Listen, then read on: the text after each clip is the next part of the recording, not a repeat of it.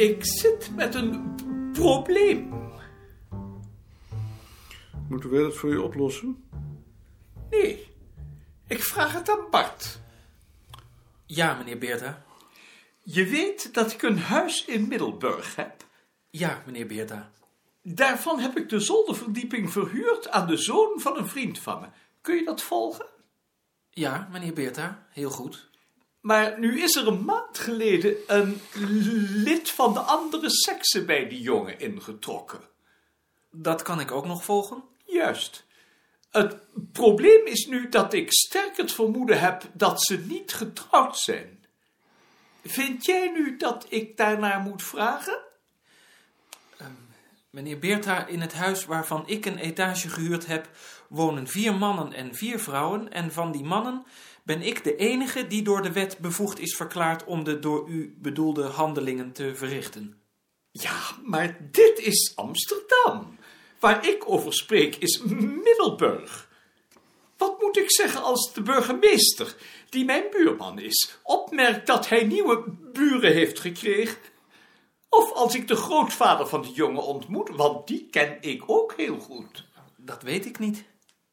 Dus dat weet jij ook niet. God bewaar me, dan zet hij ons weer voor het blok. Wie zet ons voor het blok? Pieters heeft het museum in België beloofd dat hij een feestnummer zal wijden aan hun 20-jarig bestaan. Ja, zo zijn die Belgen. Die willen altijd wat te huldigen hebben. Toen we juist hebben afgesproken dat we voortaan bij dit soort ingrijpende beslissingen geraadpleegd zullen worden. Hebben we dat afgesproken? Dat herinner ik me niet. Op de laatste vergadering. Ik word oud. Ik moet toch niet aan denken. Weer zo'n nummer met onleesbare kletspraat. Het staat niet in de noodhulen. Nee, het is wel afgesproken. Alleen kwam het Pieters niet goed uit natuurlijk. Laat mij die brief eens lezen. Hij beroept zich erop dat in der tijd ook een feestnummer is verschenen voor ons museum.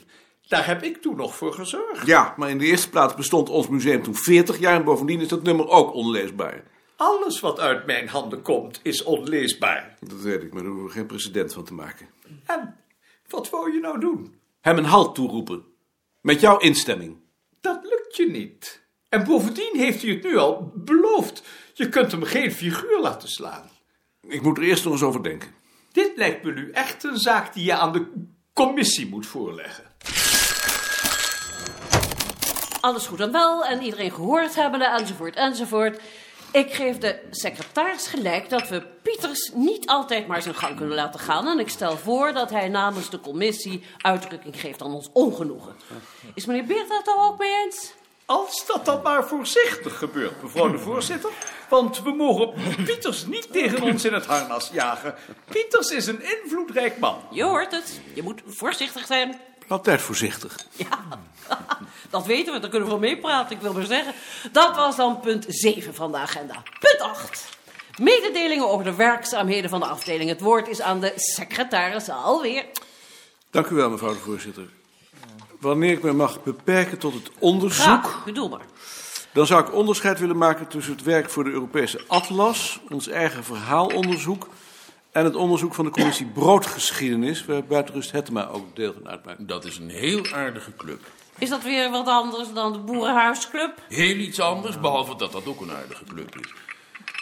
Mevrouw de voorzitter, van de laatste club maak ik ook deel uit. Evenals mijn buurman trouwens. En ik kan dat geheel onderschrijven. Bijzonder aardig zelfs. Gelukkig. Ik bedoel maar, secretaris. Voor de Europese Atlas werken we nu nog aan het dorsen, het maaien en de kerstboom.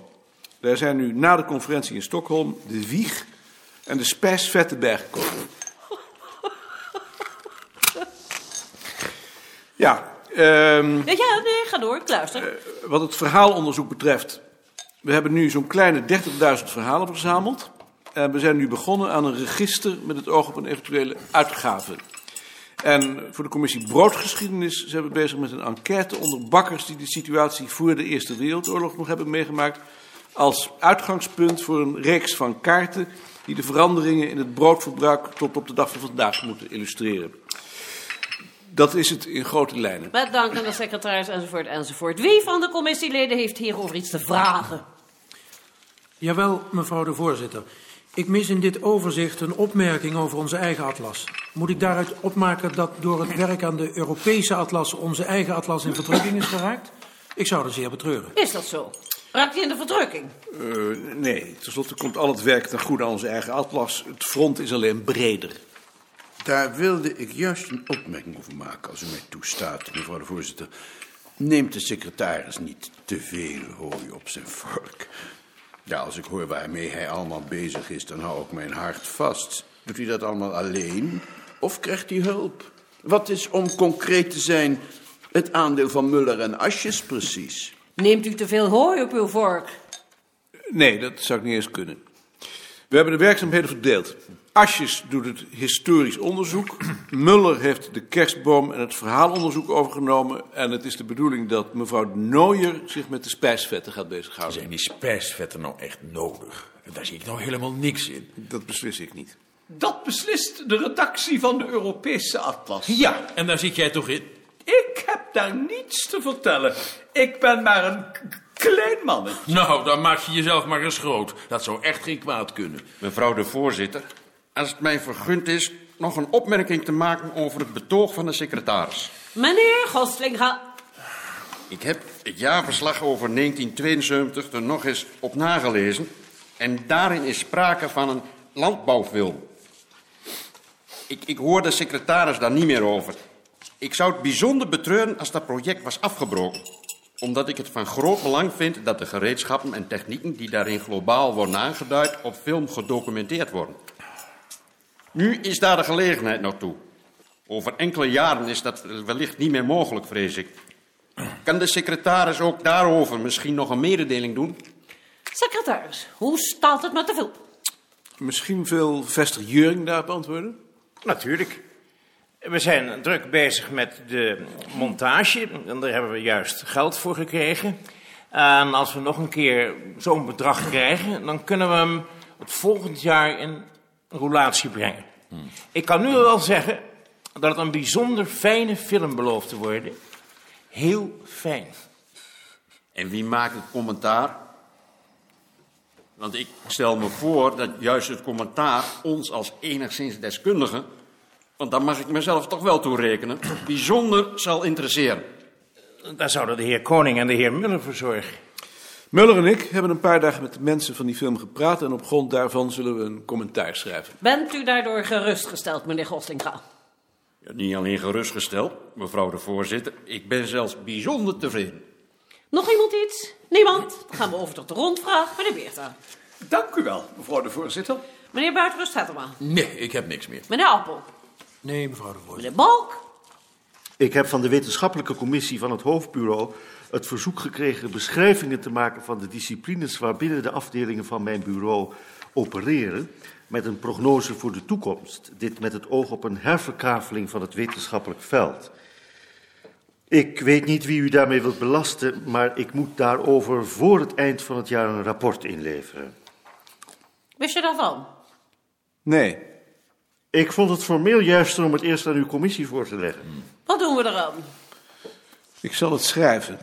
Mevrouw de voorzitter, ik wil mij er niet mee bemoeien, maar zou het niet verstandig zijn als de secretaris een dergelijk rapport schreef in samenspraak met enkele leden van de commissie? Jijzelf bijvoorbeeld. Nee, ik ben te oud.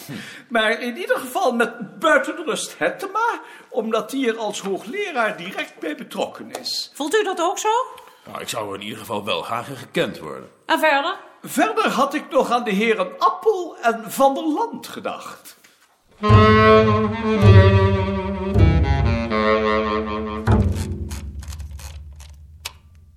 Waarde professor Pieters, behalve de benoeming van de heer Wiegel is in de vergadering van de commissie van 19 deze ook uw voorstel om een speciaal nummer aan uw museum te wijden besproken.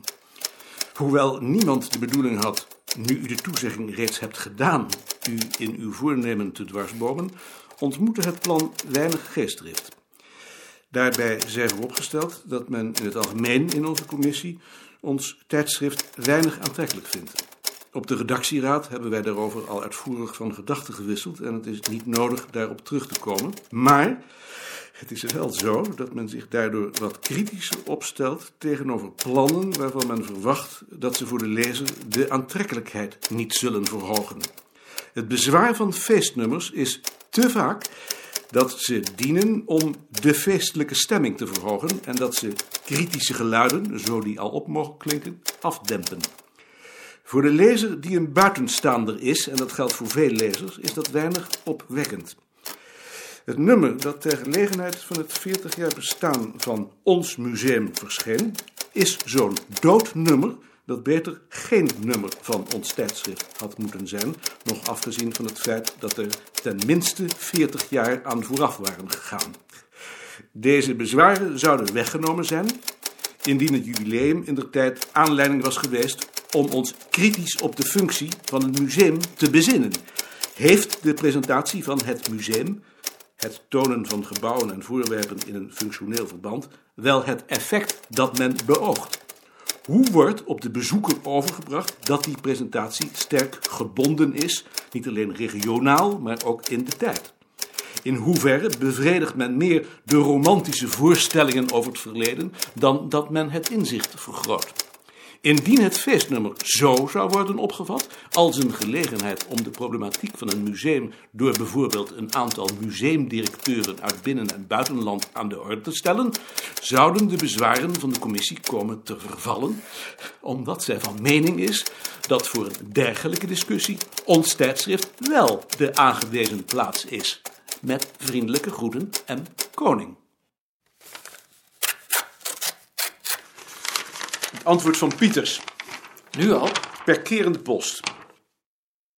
Waarde Waarde heer heer koning, koning, dat het plan weinig geestdrift ontmoette, neem ik aan. Overdaad van geestdrift. Overdaad van of zelfs geestdrift, of zelfs geestdrift vanwege de vanwege de commissie, is ons tot hiertoe niet gebleken. En als de commissie ons tijdschrift weinig aantrekkelijk vindt, dan hebben de leden toch meer dan voldoende gelegenheid om het meer aantrekkelijk te maken.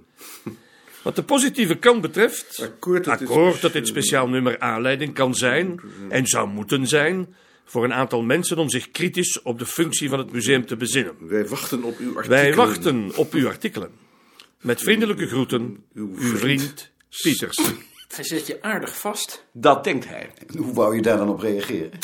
Ik stuur hem een lijst met vragen over de functie van een museum en een lijst met museumdirecteuren aan wie we die kunnen voorleggen. Vind jij een museum dan zinloos? Ja, volstrekte nonsens. Gestolde heimwee naar grootmoeders tijd in een quasi-wetenschappelijk jasje. Mijn zoontje wil de sneeuw bewaren en vlinders op zijn petje dragen. Onzin, illusie.